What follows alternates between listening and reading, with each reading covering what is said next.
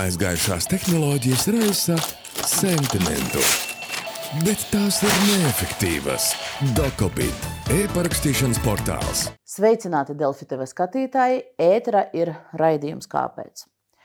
Šonadēļ kopā ar Latvijas Rādio esam publicējuši pētījumu līdera apskāviens par seksuālu izmantošanu un uzmakšanos jauniešu organizācijās. Un tagad diskusijā mēs skaidrosim, kā tas bija iespējams tik ilgi un kāpēc varas iestādes izrādījušās bezspēcīgas.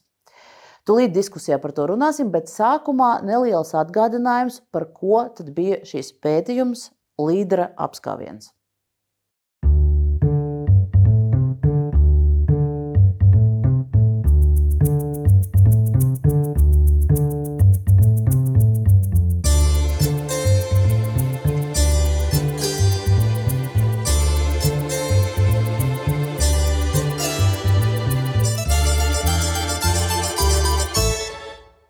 Остановись, мне больно.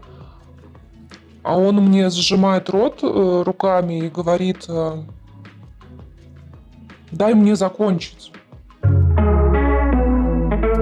Latvijas Rādio un Delfi pētījuma līdera apskāviens autores nointervējušas astoņas jaunas sievietes, kas apraksta sāpīgo pieredzi ar nobriedušiem vīriešiem, jauniešu nometnes KID un intelektuālo spēļu kluba Kas kur kad organizatoriem un aktīvistiem. Marinas gadījumā tas bija Pāvils Virķeņņikovs.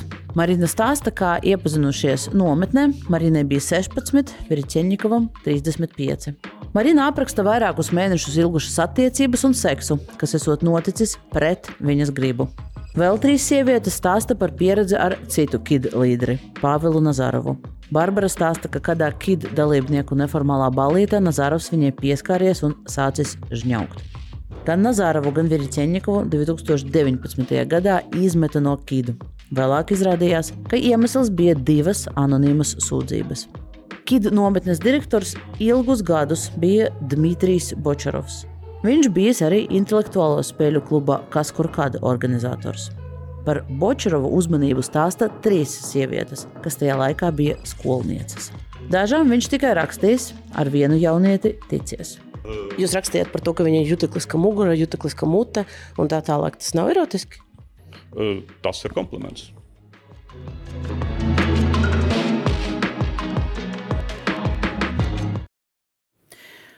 Un šo raidījumu es gribēju sākt ar pateicību visām drosmīgajām sievietēm, kuras dalījās ar mums, ar pētījuma autoriem savā pieredzē, neskatoties uz to, cik sāpīgi tas viņām bija.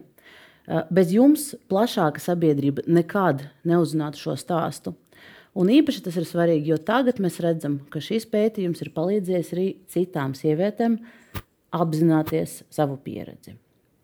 Un šajā diskusijā klāt mums ir vairāki cilvēki gan no varas valsts iestādēm, kuram pienākums ir aizsargāt jauniešus un bērnus, gan arī pētījuma, viena, vēl viena no pētījuma autoriem, gan arī cilvēki, kas saprot, kā tad, um, jauniešu psiholoģija darbojas. Un es stādīšu priekšā viesus valsts izglītības satura centra izglītības departamenta direktore Diana Šavalgina. Sveiki! Te jāpiemina, ka centrs reģistrē nometnes un arī apmāca nometņu vadītājus. Klāt ir arī pusauģu resursu centra kliniskā un veselības psiholoģija Lindā Stāšova. Sveiki! Valsts bērnu tiesību aizsardzības inspekcijas vadītājas vietniece Valentīna Gorbanova. Sveicināti! Latvijas radio žurnālisti, viena no pētījuma autoriem Dace Krēra. Sveiki! Sveiki, Olga! Valsts policijas galvenās krimināla policijas pārvaldes galvenā inspektore Dārsa Lansmana. Sveiki! Un klāt arī ir Alīna Kurva. Viņa pirmā saprata, ka kīda nometne uzmākšanas un izmantošanas gadījumi bijuši vairāki, uzrunāja cietušās, cietušās sievietes, un tad arī vērsās pie žurnālistiem. Bez Alīnas arī šīs pētījums nebūtu tapis. Sveiki! Labdien, Olga!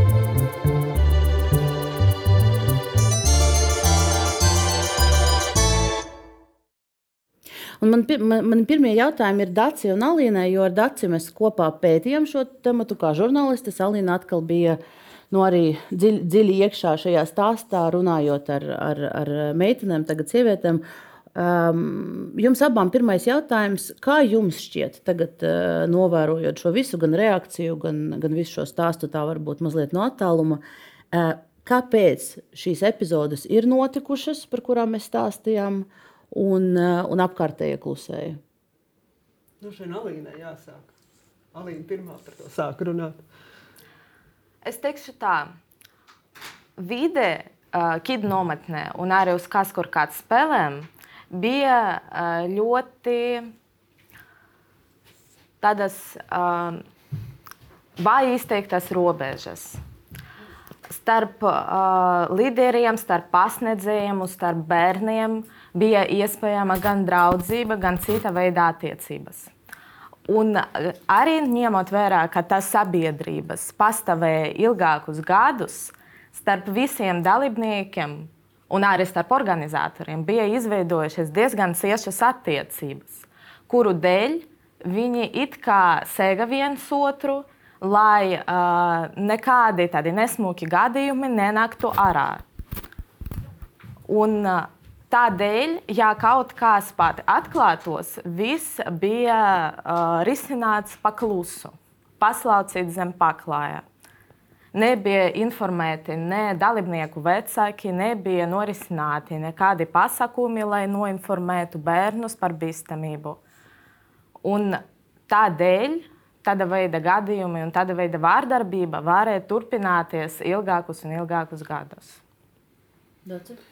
Veicot pētījumu, man sākumā tas, kas manī, kā, kāda es tādu, varbūt tādu attīstības ceļu, domājot par to, kāpēc šī vide to pieļāva, sākumā tas, kas man likās ļoti interesanti, ka nometne uh, vide, organizācija, kas tik daudziem jauniešiem ļoti, ļoti patika un izmainīja viņu dzīve, dzīvi, ka šī vide kļuva par vietu, kur varēja notikt vardarbība.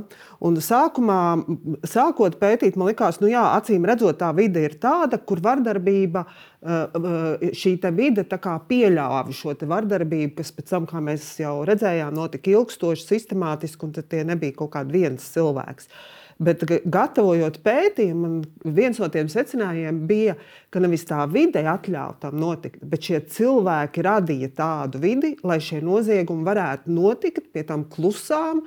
Un, ja arī kāds to zināja, tad šie cilvēki par to nerunāja. Mēs par tiem iemesliem nezinām, jo tie līderi, kuri zināja, ar mums nerunāja. Līdz ar to daudz, kas vēl paliek, daudz jautājumu neatbildēti. Bet uh, tas, kas man liekas, kas ir vērtīgākais, uh, priekš manis viens no secinājumiem, bet es arī labprāt gribētu arī dzirdēt cilvēkus, kas ikdienā uh, droši vien par to zina, ir zinošāki par to, kādā veidā šie cilvēki padara šo, šo vidi tādu, lai noziegumi varētu notikt, notikt ilgstoši, klusām, un arī upur, upuri vai šo noziegumu mērķi. Mums arī eksperti aicināja šīs meitenes saukt par noziegumu mērķiem, nevis upuriem, ka šīs meitenes par to nevarēja runāt. Un tas, man liekas, ir vērtīgi kaut kādas izdarīt par to secinājumus, lai mēs kļūtu zinošāki par to. Tas ir viens no aicinājumiem, arī varbūt, par ko mēs varētu runāt tālāk. Bet tas arī man tāds, mans secinājums. Kā mēs varam definēt nu, to, to problēmu situācijai? Jo atkal mēs redzējām, ka mūsu stāstā šīs jaunietes bija no 16 gadiem un uz augšu līdz 19 gadiem.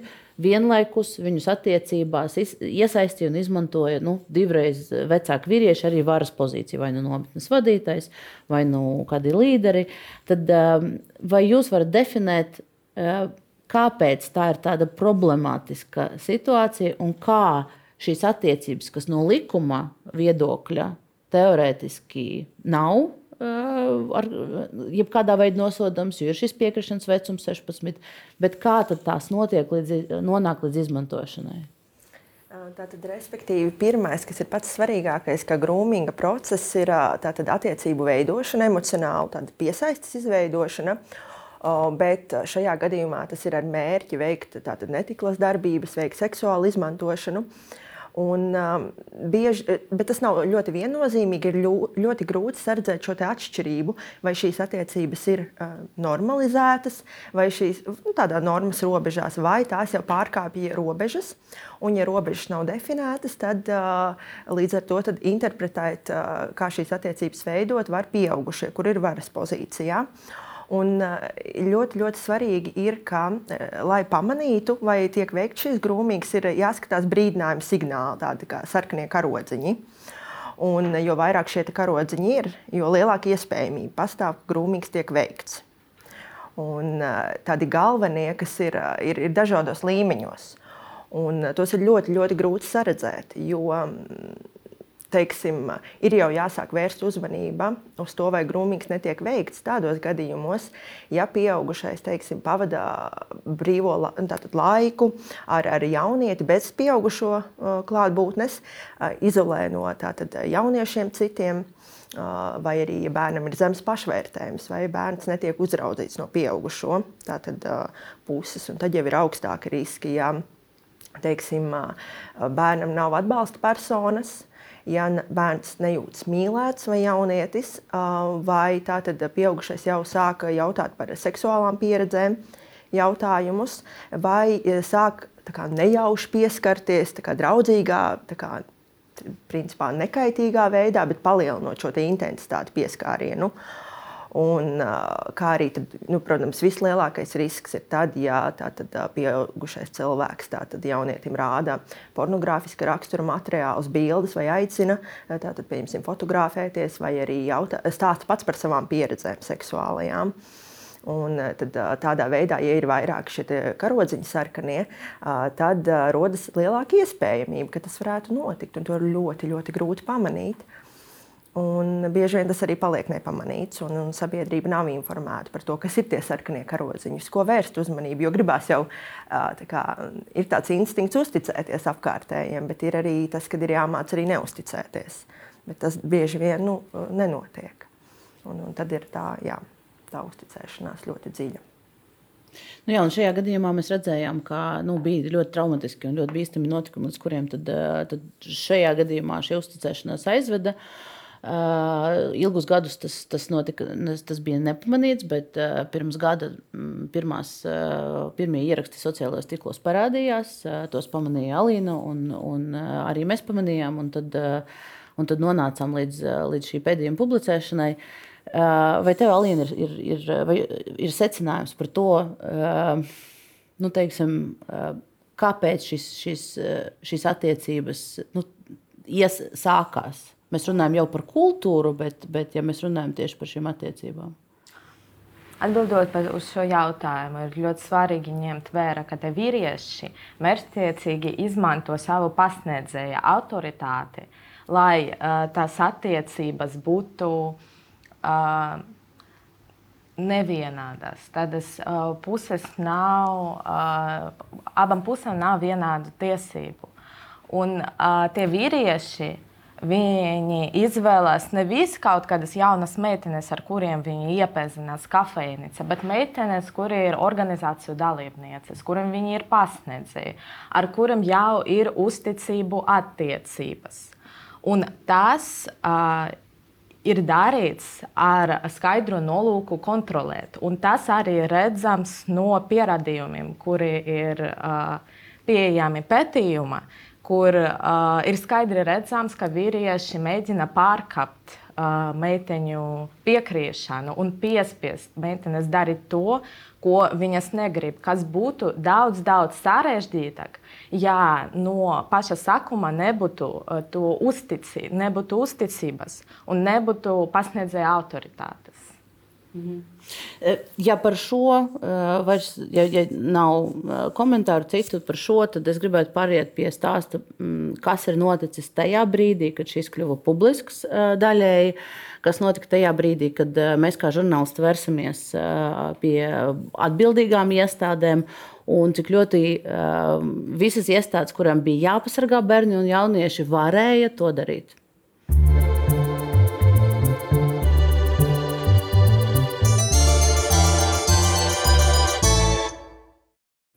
Tad pirmais, pie kā es gribu vērsties, ir Valsts bērnu tiesību aizsardzības inspekcija. Jūs saņēmāt gada sākumā iesniegumu par, par, par notikušo, par vienu no šiem publiskajiem ierakstiem ar aprakstīto situāciju, pārsūtījāt policijai. Kāpēc, izņemot to pārsūtīšanu policijai, inspekcija nedarīja neko vairāk? Es gribu likt uzsvaru, ka tas nebija iesniegums, tas bija zvans uz uzticības tālruni, bērnu un pusauģu uzticības tālruni, kur šī informācija tika piefiksēta un tālāk arī nodota. Redziet, kā ir. Mēs tomēr, lai arī esam bērnu tiesība aizsardzības inspekcija, bet katrai iestādē tomēr ir savas funkcijas un savi uzdevumi. Šajā situācijā, kur stāsts bija par iespējamu seksuālu, uzvedi, uz, seksuālu vardarbību, tāda seksuālas vardarbības izvērtēšana nav inspekcijas kompetencē. Un tā un informācija tika pārsūtīta valsts policijai. Un situācijā, kurā valsts policija veic savas kompetences ietvaros esošas darbības, nu, nevarētu būt situācija, ka kaut kādu paralēlu papildus izpēti veiktu arī inspekcija. Jo tad, nu, pirmkārt, arī, arī tad, nu, pieņemsim, būtu dubultā situācijā, kad ar nepilngadīgajiem runā vieni, runā otri, ir jāiegūst informācija, kuri tajā brīdī bija tā nometne un tam līdzīgi. Vispārēji, ja mēs runājam, ja tiek saņemta informācija par to, kāda ir vispārēji, varbūt mēs varam jā. nu, pie, pie kopēja regulējuma un kaut kādām citām situācijām vēlāk, bet nu, turpinot par šo stāstu. Bet mēs zinām, ka valsts policija resorisko pārbaudi iesāka, tad to tomēr, tomēr neturpināja, kriminālu procesu neuzsāka. Vai jūs interesē pēc tam, kad uh, inspekcija nosūtīja policijai uh, šo uh, informāciju, vai tālāk inspekcija interesējās, okay, kas ir noticis policijas pusē? Mēs saņēmām atgrieznisko saiti no policijas ar to, ka uh, nav saskatāms noziedzīga nodarījuma sastāvs. Jā. Policija ir veikusi savas darbības un izdarījusi savus secinājumus. Un tālāk, ko jūs darījāt? Konkrēti šajā situācijā darbība nesekoja. Kāpēc? Nu, eh, ja, ja mēs runājam par to, ka būtu mums vairāk, ja būtu runa par bērniem, kuri nav sasnieguši 16 gadu vecumu, ja būtu vēl kaut, kaut kādi papildus riska elementi, kas būtu saskatāmi, nu, to, ko piemēram kolēģi nu, patās minēja par kaut kādām sarkanām lampiņām. Eh, mēs balstījāmies uz to, kāda informācija ir mūsu rīcībā. Bet proaktīvi mēģināt noskaidrot informāciju. Nu, kā jūs to domājat, proaktīvi? Proaktīvi es gribēju pateikt, jā, mēs arī proaktīvi veicam pārbaudas bērnu nometnēs. Bet Ik šajā gadus. gadījumā, šajā gadījumā nu, pirmkārt, 16 gadus šis jauns bija sasnieguši, bet uh, atbilstoši bērnu tiesību aizsardzības likumam, viņas ir bērni. Viņas ir, jā, viņas ir jā, bērni. Jā, jā. Tātad viņas ir jūsu aizsardzībā. Tas ir viens. Un otrs. Jūs redzējāt, ka policija tātad nesaskatīja tur iemeslu ierosināt kriminālu procesu, bet tālāk jūs jau varētu skatīties, jūsu kompetencē. Kas ir tie citi, kas ir tas vadītājs, par ko mēs par viņu zinām, ko mēs zinām par citiem. Un, ja būtu no jūsu puses sekojusi proaktīva rīcība, jūs tad varētu ieraudzīt ļoti ātri to pašu, ko mēs žurnālisti ieraudzījām. Ka par to pašu Dmitriju Bočerovu kā nometnes līderi ir divi publiskie ieraksti sociālajos tīklos, kur, ar, kur, kur ir aprakstītas viņas darbības Un vienā gadījumā tās darbības bija ar nometnes dalībnieci. Ne īstenībā abos gadījumos, eh, divos gadījumos bija nometnes dalībniece. Jūs to būtu ieraudzījuši, un tad jūs varētu plašāk tālāk skatīties. Nu, redziet, kā ir tas, ko es minēju pirms brīža. Katrai iestādē ir sava kompetence. Ja policija ir veikusi savas darbības, mums nav pamats neusticēties policijai un izdarījuši savus secinājumus. Mēs neveicam kaut kādas nu, pēcprocesuālas darbības, vai kā mēs to nosauksim. Bet policija bet policija skatījās to vienu konkrēto gadījumu, ja nemaldos, to vienu ierakstu, par kuru tad jums paziņoja. Policija neskatījās kopumā, kas tā bija tāda par nometni, vai tur bija pārkāptas citas kaut kādas robežas vai normas. Policija teica vienu, krimināla pārkāpuma nav. Viss pārējais ir inspekcija kompetence, vai ne? Nu, kas tieši kā jūs domājat, inspekcijas kompetencē? Redziet, kā ir tas, ko es gribēju teikt. Vai inspekcijas, ka... vai inspekcijas kompetencē ir Piemēram, tas, kā nometnes direktors raksta nometnes dalībniecēm erotiska rakstura ziņas, vai tas būtu inspekcijas kompetencē? Tas ir, um, tas ir ētisks dabas jautājums, par ko varētu runāt varbūt uh, darba devējs ar darba ņēmēju. Bet uh, tā, lai inspekcija savas kompetences ietvaros varētu pateikt, ka šī ētiska, šie ētiskās dabas jautājumi ir tieši mums skatāmi, nē. Jā, protams, ja mēs paraugamies ar skatu atpakaļ, un mēs vienmēr varam paraudzīties ar skatu atpakaļ jebkurās situācijās, uh, iespējams, ka tā situācija varēja būt savādāka. Bet Atgriežoties, es tomēr vēlos uzsvērt, ka mums nav pamata neusticēties policijas darbam. Bet... Un, ja mēs rakstām policijai un saņemam atpakaļ, ka policija ir izdarījusi savu darbu un izdarījusi savus secinājumus, Bet policija vēlreiz policija pārbaudīja konkrētu atsevišķu elementu, nevis nometni kopumā, kur, kur atrodas nepilngadīgie bērni. Nu, ja redziet, jāpaturprātā, ka nometnes ir arī īslaicīgs pasākums. Tas ir nedēļa, divas atkarībā no uh, nometnes veida. Tās ir vai nu diennakts, vai tikai dienas nometnes. Es varbūt jums tādam nu, nezinu, plašākā informācijai varu uzsvērt to, kāda vispār ir inspekcijas resursi līdz šim attiecībā piemēram uz nometņu, uz pārbaužu veikšanu nometnēs. Nometnes valsts izglītības satura centrs var plus mīnus pateikt, cik gadā vispār ir nometnes. Tas ir pāri tūkstotim. Ja mēs runājam par inspekcijas resursiem, tad tie ir 3, 4, reizēm 5 atkarībā no sastāva inspektori, kuriem izņemot nometņu darbu, ir arī viss cits pārējais. Jā, mēs veicam arī plānveida nometnēs pārbaudes. Mēs veicam pārbaudes nometnēs arī uz saņemto sūdzību pamata, protams, bet ir situācijas, kurās vienmēr tiek vērtēts, vai tā ir mūsu kompetence, vai tā ir citas iestādes kompetence, lai nav tā, ka visi skrien un visi kaut ko dara. Bet vēlreiz uzsveru, šajā situācijā mēs uzskatījām, ka nav pamata neusticēties policijas veiktajām darbībām. Bet šajā gadījumā jāsaka, ka neviens nav skrējis. Un nevien, nebija tā, ka visi skrēja un kaut ko darīja. Man šķiet, es jums atbildēju. Nu, negluži, jo mēs redzam, ka atkal par, par nometnes direktoru, kurš ir rakstījis nepilngadīgām jaunietēm seksuāla rakstura ziņas, un no jūsu skaidrojuma sanāk, ka nu, neviens īstenībā par šo nav atbildīgs. Policija, policija rēģējot uz vienu sūdzību, neatrada neko, jo tur tieši nemeklēja. Un uh, Valsts bērnu tiesību aizsardzības inspekcija nu, neinspicēja, kas tur tajā nometnē ir noticis. Jūs Redzi... neuztverat to kā signālu. Jautājums jau laikam ir tajā, ka, ka inspekcija, un nu, jūs varat uh, apgāzt manu pieņēmumu, mm -hmm. bet uh, tas, ko es redzu, ka uh, inspekcija neuztver šo uh, vienu iesniegumu kā signālu, ka tur tajā nometnē un tajā vidē kaut kas nebija kārtībā vēl. Tā es ir vai ne? Es tomēr atļaušos jums nepiekrist. Jebkurš signāls, jebkura informācija, uh, kas nonāk inspekcijā, tiek rūpīgi vērtēta. Un vērtētas tās rīcības un tā darbība, kas būtu veicama turpmāk pēc šī, šīs, šīs informācijas saņemšanas. Uh, es noteikti nevaru piekrist tam, ka informācija, kura noniek, nonāk inspekcijas rīcībā, netiek vērtēta, tiek paslaucīta zem tepiņa vai, vai kaut kā tam līdzīga. Nu, noteikti, bet, mēs, bet mēs redzam šajā gadījumā, ka nekas no inspekcijas uh, puses, izņemot uh, iesniegumu pārsūtīšanu policijai, nenotiek. Un tad man ir jājautā, kādas bija darbības inspekcija, kas pierāda attiecību uz šo konkrēto, šo konkrēto gadījumu rūpīgumu. Droši vien tad ir jājautā valsts policijai par attiecīgi pieņemtajiem lēmumiem, bet es vēlreiz uzsvēršu, mēs neveicam kaut kādu pēcpārbaudi pēc tam, kad ir nezinu, pārtikas veterinārais dienests veicis savas pārbaudes, valsts policija veikusi, valsts ugunsdzēsības drošības dienests, eh, glābšanas dienests ir veicis savas, savas darbības. Mēs neveicam pēc tam pēcpārbaudi par šo iestāžu veiktajām darbībām. Nu, tad nav nekā, nekā ko, kā, kā jūs varat to rūpīgumu pierādīt pret, pret konkrēto gadījumu. extremo. Es uzskatu, ka šajā situācijā rūpīgums ir saistāms ar to, ka informācija tika nodota iestādē, kuras kompetence ir konkrētu gadījumu vērtēt un secināt, ir vai nav noticis noziedzīgs nodarījums. Tas, ko mēs runājam, kā blakus paralēlās lietas, mēs noteikti varam runāt jā, par šo bērnu gatavību apzināties savas robežas, par bērnu gatavību pateikt nē, tad, kad tas ir jāpasaka, par pieaugušā līdera pozīciju kaut kādā brīdī un par ētiskumu galu galā, par vecāku atbildību. Mēs varam runāt par daudzām citām sastāvdaļām, kas Jā. ir šajā aspektā. Bet šajā stāstā mums nav vecāki.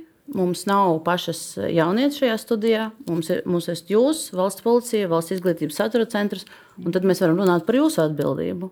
Un, un, un no savas puses gribu atzīmēt, ka, uh, lai uzzinātu, ka šis stāsts ir daudz plašāks nekā tas, kas tika pieminēts uh, uh, iesniegumu policijai, Vajadzēja tikai ienākt eh, KID nometnes neformālajā grupā, kas ir publiski pieejama, un tad jūs ieraudzītu visus šos jauniešu stāstus.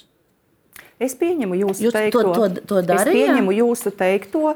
Eh, es varu tikai atkārtot to, ko es minēju. Ja mēs paraugamies atpakaļ, tad varētu būt vēl noteikti katrai iestādē gadījumi, kur saprastu, varbūt vajadzēja rīkoties savādāk. Bet uz to brīdi um, lēmums par, par turpmāku rīcību vai, vai, vai, vai pieņemam to kā, kā kvalificētas profesionālas iestādes atbildi, mēs to arī pieņemam. Bet es saku, vienmēr mēs varam vairāk, labāk, tālāk noteikti. Bet varbūt, ja jūs pieņemat šo, eh, šo, šo, šo kritiku, tad vai jūs varat eh, apliecināt, nu, ka jūs mainīsiet savu praksi, ka jums būs citādāk tie, tā procedūra nākamreiz, jo mēs redzam, ka nu, diemžēl šīs lietas nu, notiek. Un... Mēs uz nākamo gadu esam uh, plānojuši to, ka mēs mainīsim. Uh, Eh, opcijas, kādā veidā mēs vispār veicam pārbaudes nometnēs, kas ir plānotās pārbaudes. Eh, proti, līdz šim šīs pārbaudes bija pēc nejaušības principa, atverot nometņu reģistru un paskatoties, eh, kur, kurā, tā, proti, uz kuru nometni doties. Uz nākamo gadu prioritāri mēs esam apsvēruši to, kādu ievirzienu nometnēs mēs primāri veiktu pārbaudes, un, nu, ņemot vērā šo konkrēto gadījumu, patiesi pievērst uzmanību Eh, nevis vispārējam bērnu, bērnu tiesību aizsardzības aspektam, bet eh, jau konkrēti ar tādu papildus skatījumu uz iespējamu eh, šāda veida vardarbību pret nepilngadīgajiem. Te mums tāds uh, dialogs ir, ir, ir, ir izveidojies, bet varbūt uh, citiem klātesošiem ir komentārs tieši par to, kas notika brīdī, kad uh, publiski parādījās šie stāsti un kā reaģēja uh, valsts iestādes. Es vienkārši domāju par tām pārbaudēm, cik tas ir efektīvi. Nu, vienkārši domājot, jo, jo te jau arī parādījās, ka meitenes apzinājās vēlāk par to sāku runāt, cik tiešām jāaizbrauc pārbaudu uz nometni, kur notiek nedēļa, kurā varbūt arī notiek tie pārkāpumi, kā to var pārbaudīt. Drīzāk man liekas, šeit ir tā kādā veidā eh, atrunāt vai runāt, kur eh, kādā veidā panākt to, ka jaunieši viņi jūt kaut ko, kas notiek nepareizs ar viņiem, kā viņus instruēt, kā par to ziņot, kā par to runāt. Jo ir skaidrs, ka aiziet pateikt, tā man tur tas tur, teiksim, pasniedzējs tā darīja, ka tur droši vien ka vairāk ir par to, kādā veidā mēs proaktīvi, ka tie jaunieši zina un prot par to ziņot. Droši vien, ka tas būtu. Bet tas droši vien nav inspekcijas, tas jau vairāk ir uh, izglītības satura centra pārziņā. Tieši... Jā, to mēs uh, valsts izglītības satura centram tiešām varam prasīt, jo, uh, kad mēs ar speciālistiem veidojam šo pētījumu, mēģinām apzināt, kādas ir tās labas prakses, un viens no piemēriem ir tieši tā anonīma, ātra, caurspīdīga ziņošanas sistēma, uh, kur ir uzticības personas, kur ir, kur ir kaut kāds ātrs, anonīms veids, kā, kā par paridarījumu pastāstīt. Bet nometnēm šo, šobrīd tas nav saistoši. Viņiem nav pienākumu neko tādu izveidot, vai ne? Es negribētu teikt, ka nav pienākumu izveidot. Pirmkārt, lai vecāki sadotu bērnu nometnē, ir jāslēdz ir šis arī līgums, un arī vecāku pienākums ir informēt par to, kur bērnam griezties šādās krīzes situācijās. Vai nu tas ir vecāks, vai arī šos norādīt gan telefonus atbildīgām institūcijām. Mēs zinām, arī visās izglītības iestādēs ir prasība, kad ir telefona numuri norādīti, kur zvanīt. Tādēļ līdz ar to jā, tā ir mūsu visa atbildība kopā, kā mēs ar šiem bērniem komunicējam, cik daudz informācijas mēs iedodam. Mums šīs lietas ir jāaktualizē un jārunā un jāzina arī bērniem skaidri, kurās situācijās viņiem ir jāsaka ne un jāziņo. Nu jā, bet mēs zinām, ka ne visiem bērniem, ne visiem jauniešiem ir, ir rūpīgi un gadīgi vecāki, ne visiem ir labas attiecības ar bērniem. Nu, tad, tad jautājums, ko, ko uzraugošas iestādes var darīt, lai tos bērnus, kas, kuri nav vecāku pasargāti un, un, un uzmanīti arī tos pasargāt. Jā, papildus es varu arī teikt, ka izglītības saturā šīs tēmas ir par bērnu drošību, par veselības, pratības tēmām. Un arī skolā redzamā vietā ir izvietot visi šie te telefona numuri. Un, ja bērns ir izglītības iestādē procesā, un arī man liekas, ļoti liela ietekme ir tieši vienaudžiem bērnu ar tiem, ar ko viņš draudzējās ikdienā kopā un atrodas. Un bieži šos padomus dod vienaudži. Mums ir jāveido kopā šī izpratne, ka šīs situācijas ir tās, kad mēs sakām stop, ka mēs sakām nē, un ka mēs ejam pie jebkura pieaugušā, kam mēs varam uzticēties, kur mēs jūtamies drošībā un ziņojam. Bet, ja mēs Ja mēs pārvirzam šo, šo nu, atbildību no, no pašiem jauniešiem uz, uz varbūt, nu, tiem, kas viņiem uh, dara pāri, vai tiem, kas tur stāv klāt un iespējams kaut ko pamana vai nepamana, kas ir tas, uh, kur šajā stāstā var, var, var valsts iesaistīties un varbūt tos noteikumus stingrākus padarīt? Protams, izējot no šī gadījuma, kas ir viens no skaļākajiem gadījumiem, un līdz šim nebija nonācis mūsu redzeslokā tik, tik plašā apjomā un šādā. Katru vasaru mēs saņemam dažādu veidu sūdzības par nometnēm, par pārkāpumiem. Uz to tiek reaģēts, bet šis, protams, ir tāds ļoti signāls liels, kad mums ir jādomā arī par normatīvā regulējumu, pārskatīšanu, uz ko mēs arī aicināsim kopā visas iesaistītās puses. Un mēs aicināsim pārskatīt šīs prasības, ko mēs varam pastiprināt ministra kabineta noteikumos par nometņu organizēšanu. Un tad jau arī skatīsimies, kā tālāk šī, šī situācija risināsies. Nu, jā, jūs arī izplatījāt paziņojumu, bet jā. uh, par to, ka ir, ir nometņu regulējums jāpārskata, bet nu, tas paziņojums ir diezgan uh, aptuvens. Uh mhm. -huh. Varbūt jūs varat minēt, kādas ir tās konkrētas idejas, uh, kas ir nu, citādākas apmācības nometņu vadītājiem, iespējams, kādas prasības arī darbiniekiem, jo mēs zinām, ka esošais regulējums paredz, ka vienīgais, kam ir jāiziet kaut kādas apmācības, ir nometnes vadītājs. Visi pārējie tur var strādāt vienalga, kas vispār nekādu prasību nav. Jā, jūs jau arī iezīmējāt tās galvenos virzienus, kur mēs esam domājuši, kur mēs varētu šīs normas mainīt. Tad, tad pirmām kārtām varētu noteikt šīs visas prasības arī tiem cilvēkiem, kas tiek piesaistīti nometnēs bez nometņu vadītājiem.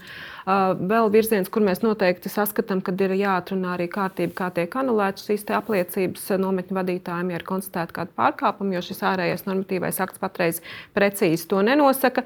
Tad nākamais, par ko mēs esam runājuši, ka iespējams ir jānosaka izglītības prasības konkrētas arī šiem nometņu vadītājiem. Iespējams, ka šī ir pedagoģiskā izglītība vai arī papildus šiem esošiem 72 stundu kursiem tiek noteikta arī prasība apgūt pedagoģijas un psiholoģijas pamatus vēl 72 stundu kā, kursā, kas tomēr kaut kādā mērā varētu samazināt šos pārkāpumus un arī piesaistīt atbildīgākus cilvēkus. Jo šobrīd, atgriežoties pie jautājuma par apliecību, mēs, es tikko pirms ētera pārbaudīju Dmitrijam Bočerovam, Kidu nometnes ilgstošajam direktoram. Apliecība joprojām ir.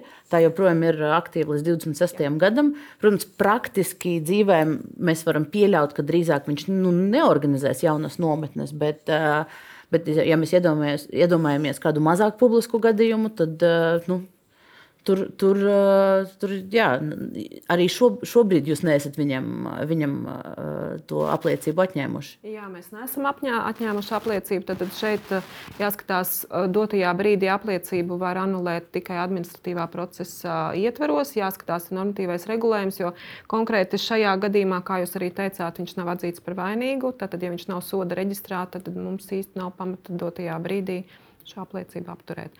Bet es gribu vērst uzmanību, ka pieņemot darbinieku darbā, organizējot nometni, ir jāpārbauda arī šī informācija, ir jāievāc arī. Nu, Kā mēs prasām, atsauksmes un var pārbaudīt. Un mums visiem kopā ir nu, jābūt tomēr atbildīgiem par saviem lēmumiem. Arī organizējot šo nometni, mēs tomēr zinot šo te fonu, diez vai kāds arī iet uz šādu nometni.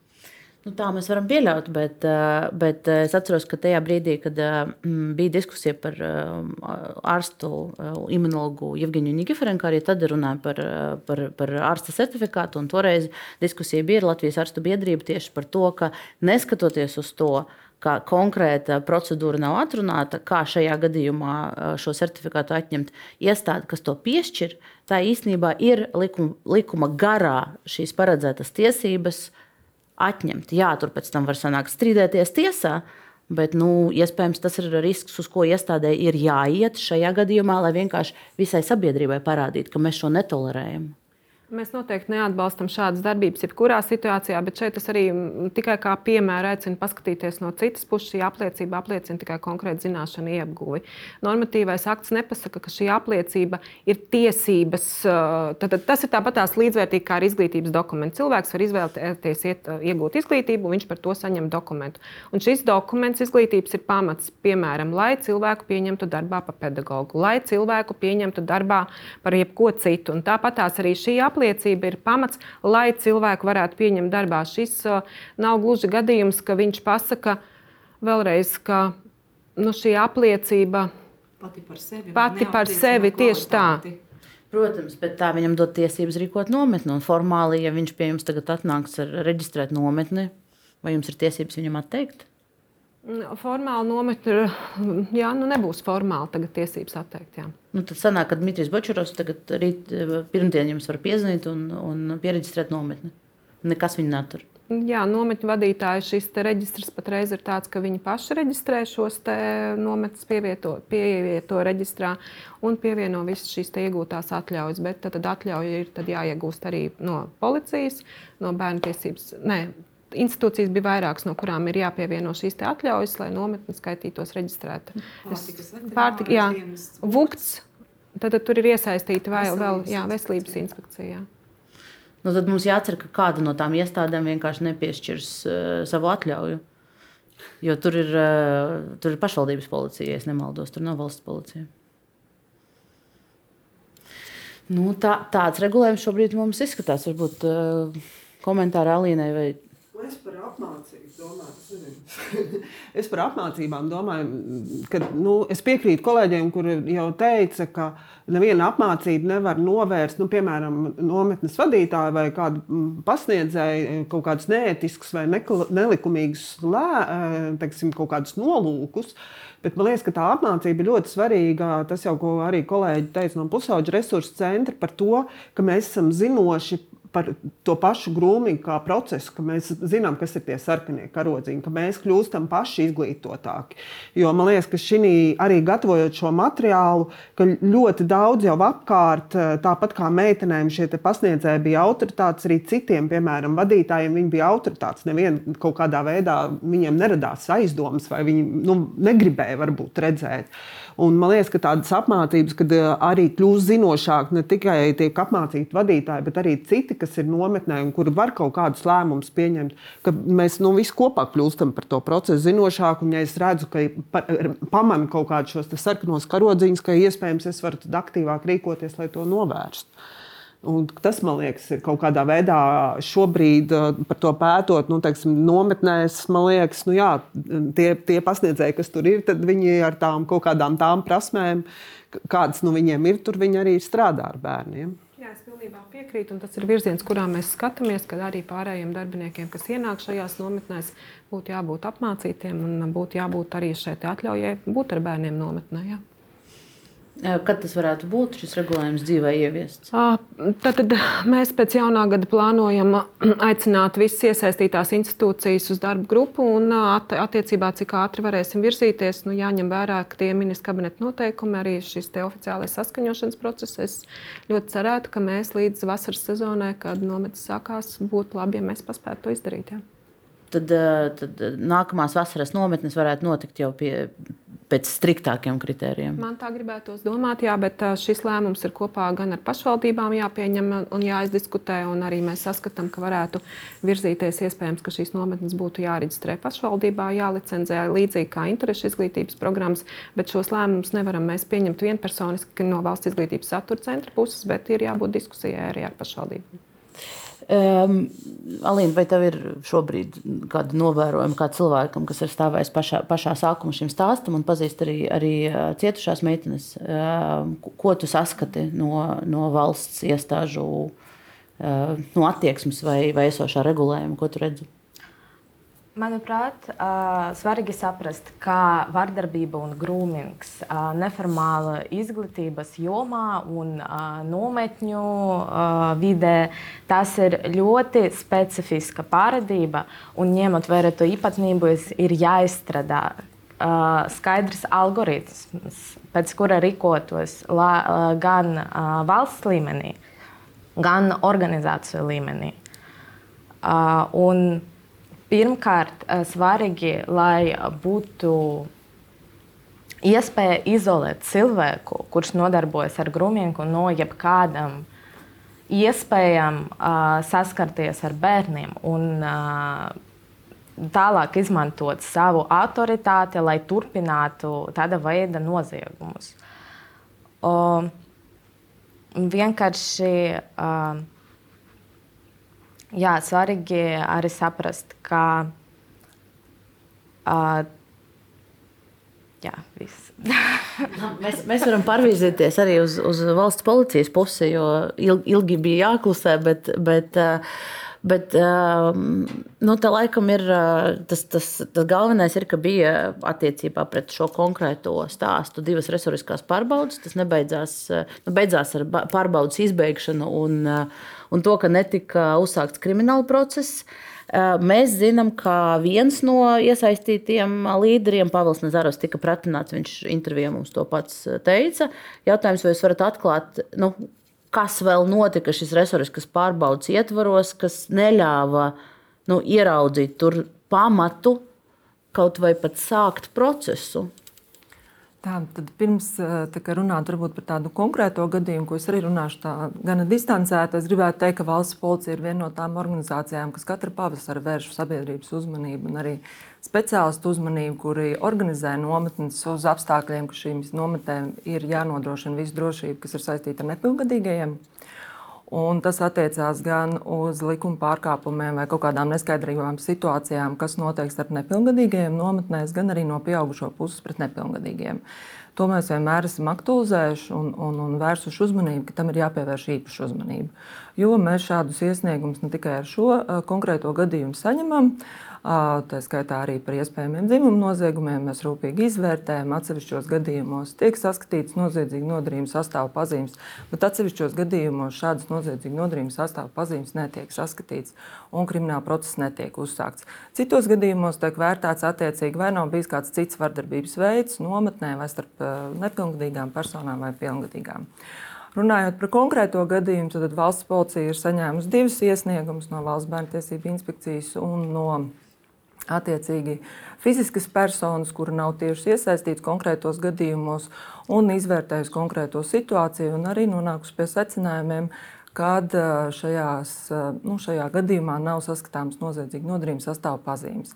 To, ko es gribētu vērst uzmanību, daudz tiek runāts par noziegumu, par seksuālu vārdarbību, par uzmākšanos, par grūmīgu. Nu, valsts policija strādā saskaņā ar spēkā esošiem normatīviem aktiem.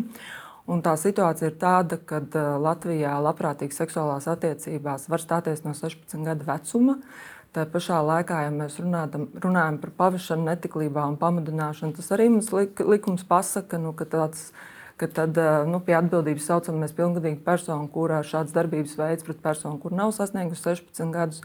Līdz ar to, nu, ja skatās no likuma puses, nu, tādas noziedzīgas nodarījuma pazīmes nav saskatāmas. Bet to, ko es vēršu uzmanību, iepazīstoties ar jūsu pētījumu, detalizēt, tad, protams, tajā visā situācijā ir saskatāms augsti riski, kas agri vai vēl var novest pie divdomīgām situācijām vai arī pie likuma pārkāpuma.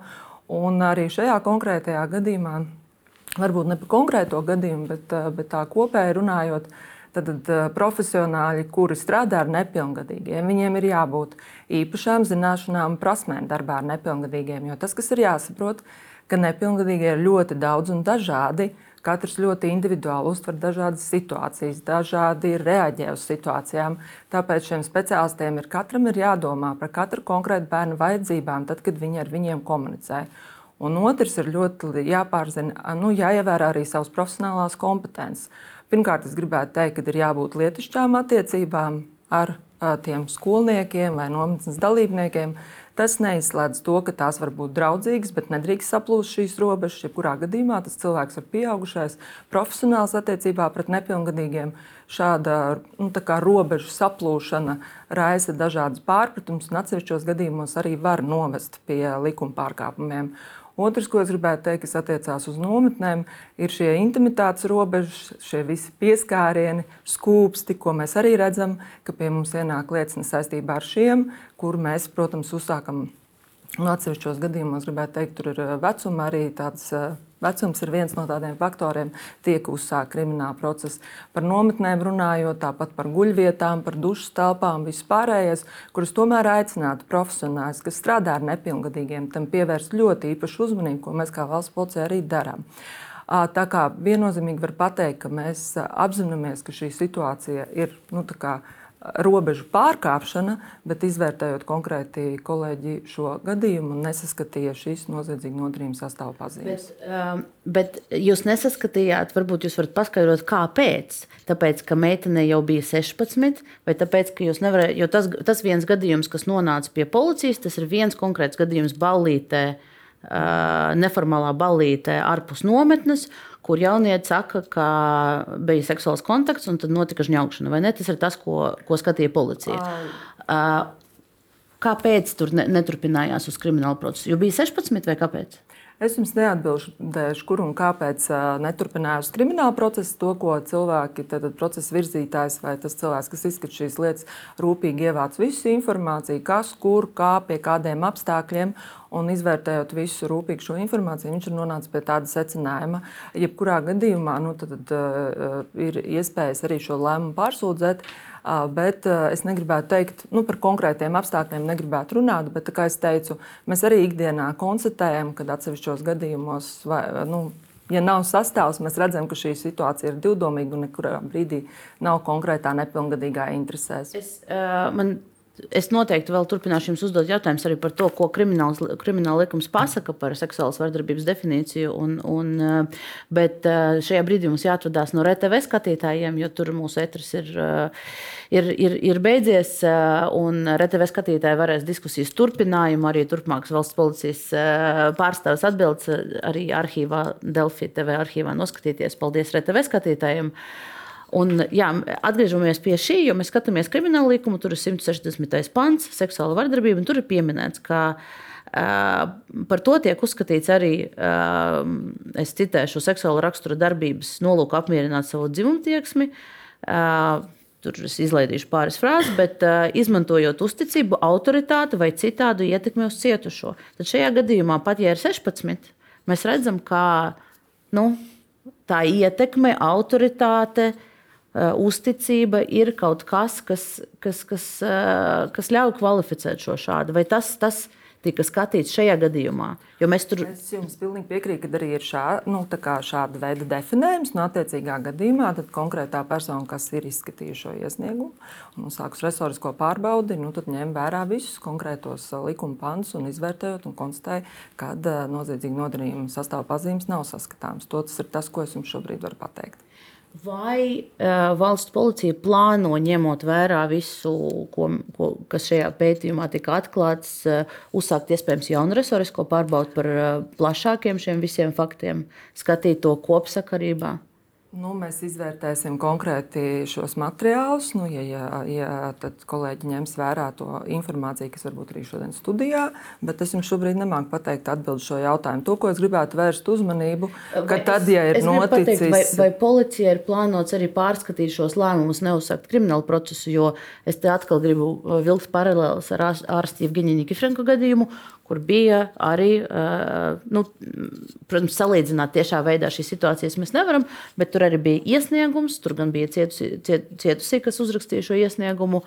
Lēmums bija neuzsākt kriminālu procesu. Beigās, kad šis stāsts parādījās publiski, lēmums tika pārskatīts. Un, nu, tagad mēs redzam tos rezultātus, bet, bet iespējams šāds lēmums ir Vai tas tiek uzsvērts? Es nedomāju, ka resoriskā pārbaude ir beigusies, ka par konkrētiem eh, nu, nav pamata šobrīd viņu atjaunot par tiem konkrētiem apstākļiem, kas policijai bija zinām.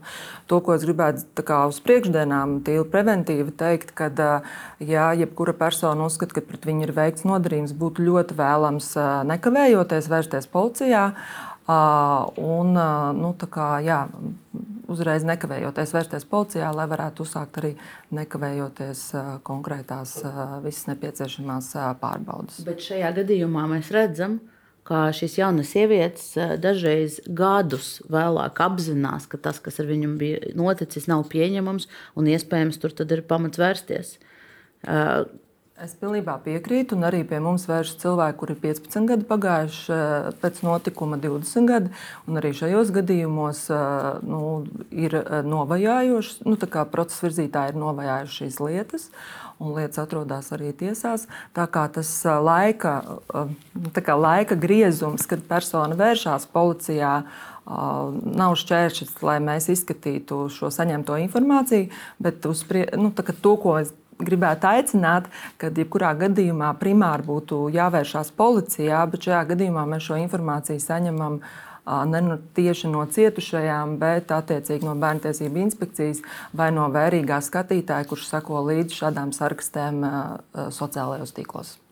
Šajā gadījumā gan jārunā arī par to, ka mums nav tikai, tikai krimināla likums jāskata, bet mums arī ir administratīvie pārkāpumi.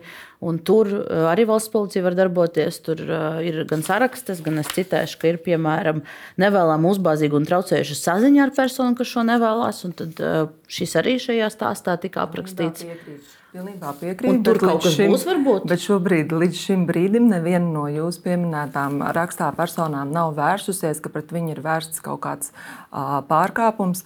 Uh, šajā gadījumā tad. Bet jūs jau varat paši uzsākt pamatojoties uz mēdīju materiāliem. Tā ir gadījies.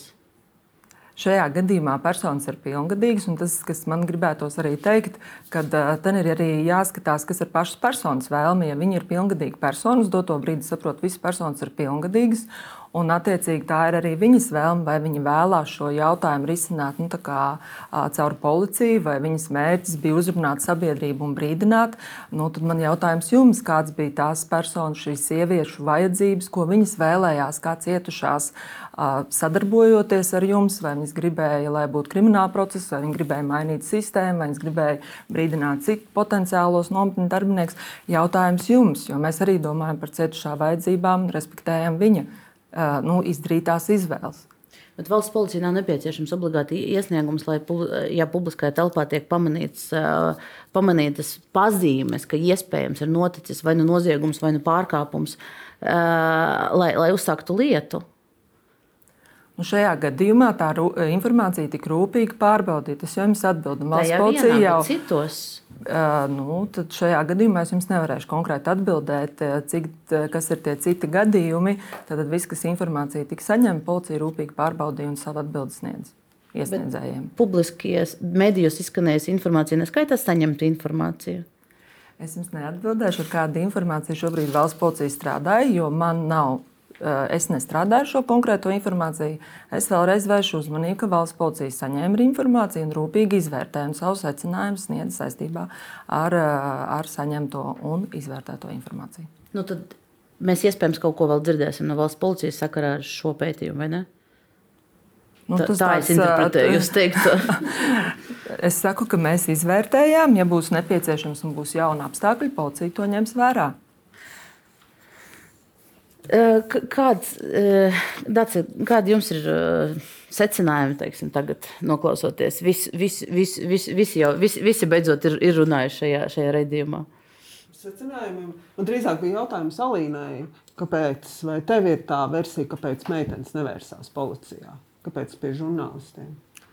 Tas attiecības, varmācīgas attiecības starp meiteni un cilvēku, kurš mēģina viņu izmantot, dažreiz ilgo vairākus gadus.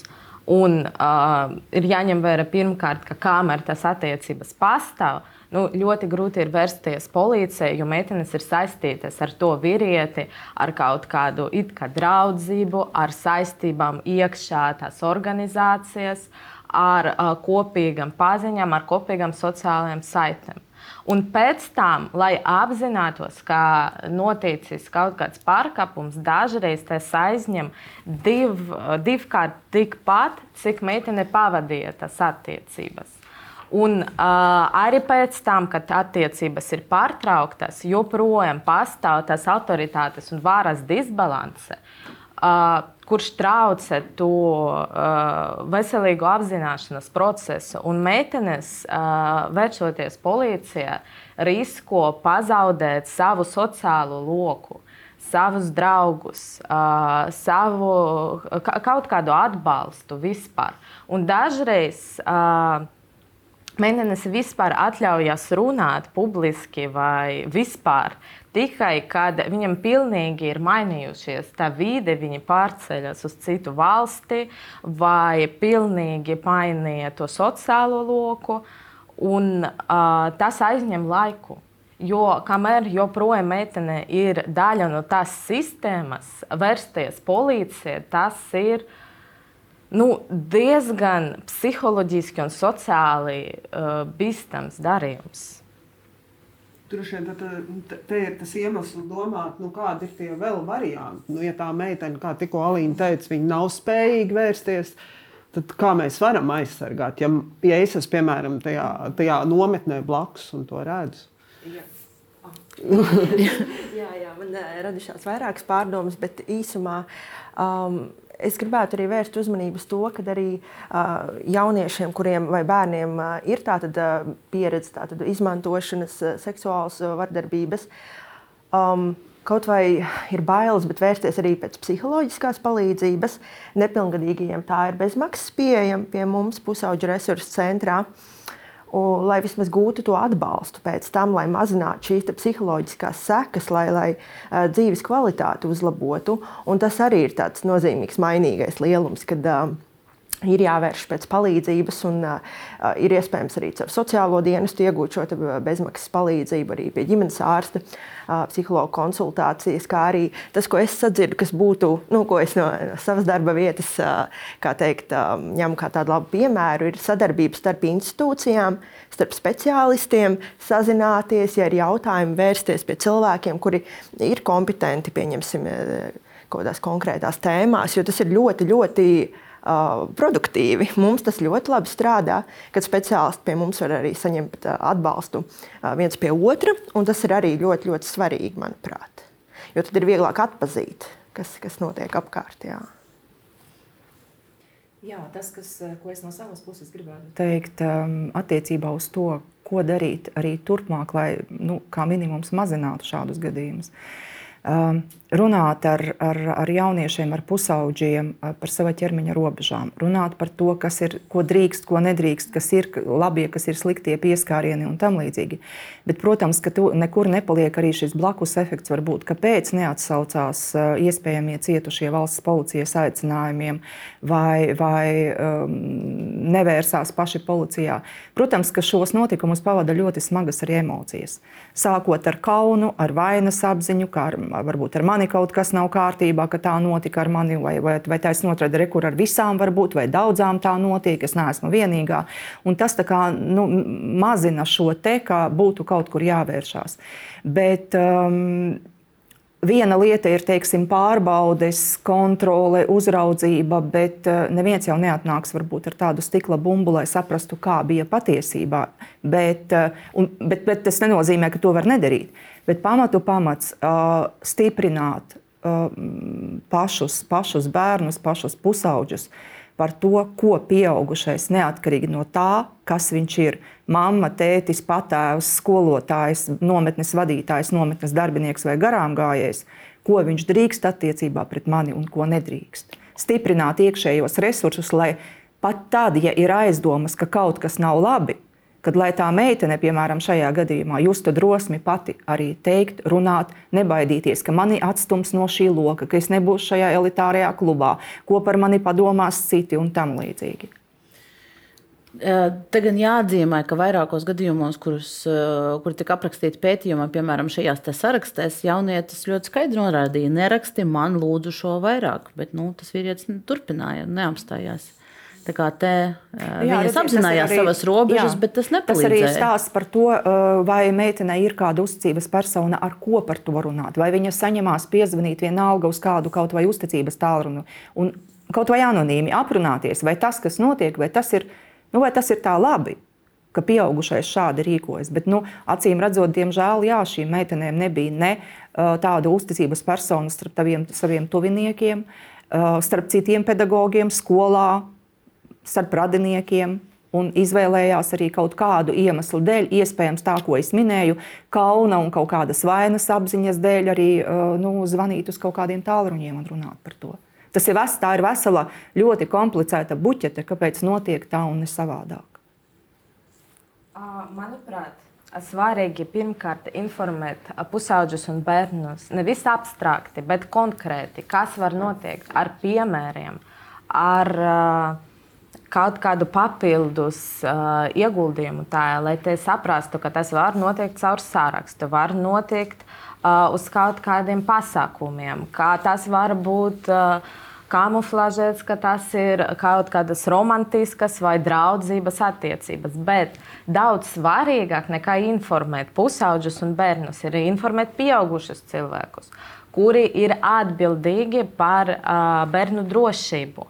Protams, tas nepalīdzēs, ja cilvēkam ir nolūks izmantot uh, bērnus. Tas varbūt arī palīdzēt viņam paslēpt sa, uh, savus uh, izvēles. Uh, Tomēr pārējie cilvēki, kuri varētu novērst visādas tādas situācijas, viņi ir jābūt informēti par to, kas varētu notikt, un svarīgāks, kā ir jārēģē uz to un kādu algoritmu ir jāizmanto, lai novērstu vardarbību, ja viņam ir aizdomas, ka tas jau notiek, vai lai pārtrauktu to, lai, ja tā jau notiek. Un jā, a, a, cilvēki, kuri a, mēģina izmantot savu autoritāti, viņi a, nav a, viegli kontrolējami. Tomēr a, cilvēki, kuri a, ir atbildīgi par bērnu drošību, a, jābūt zinojoši un jābūt a, pāraudzēti no valsts puses, lai būtu uh, kaut kāds skaidrs plāns, kā rīkotos, ja kaut kas bīstams ir pamanīts. Jā, tas ir tas, par ko mēs runājam arī valsts izglītības satura centra ideju kontekstā. Cerams, ka tas tiks ieviests dzīvē, un tad pārējie nometni, ja mēs iedomājamies to pašu kidu nometni tagad ar jauno regulējumu, tad pārējie līderi būtu ar kaut kādu skaidru informāciju par to, kādi ir tie uh, sarkanie karogi, kādi ir tie bīstamie signāli, kam ir jāzvana un kādā veidā jārīkojas. Ja tu pamani nometnes direktoru ar, kopā ar, ar, ar, ar nometnes dalībnieci sadavušies rociņām, un tev šķiet, ka varbūt tur kaut kas nav līdz galam kārtībā.